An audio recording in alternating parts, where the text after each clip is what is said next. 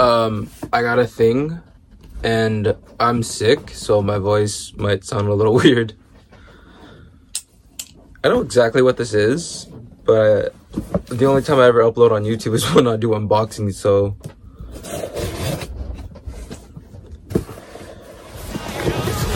Oh,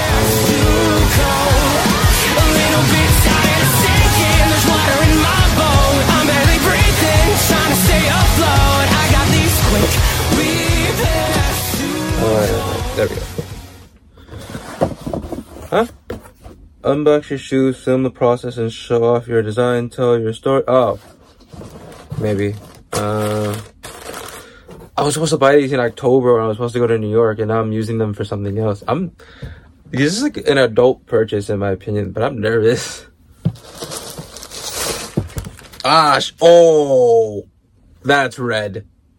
That's a lot more red than I thought it was gonna be. Oh, that's really red. I didn't. I didn't think they were gonna be that red.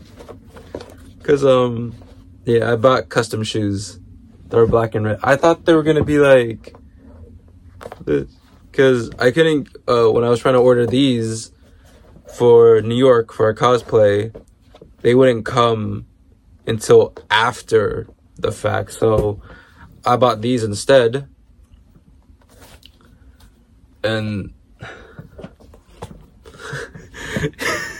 I don't know because like I don't like low top shoes. I'm like more of a high top guy, but like these are wait what the fuck? Oh, they're brown at the bottom. These they're really red. Holy shit!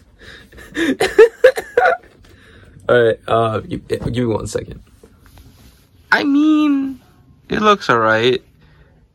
It works with. It's not like I wear anything but black, so I'm fine.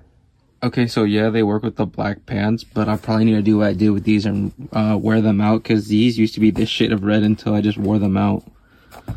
So yeah. Back. That was it. I got new shoes. Still weird that the bottom is brown.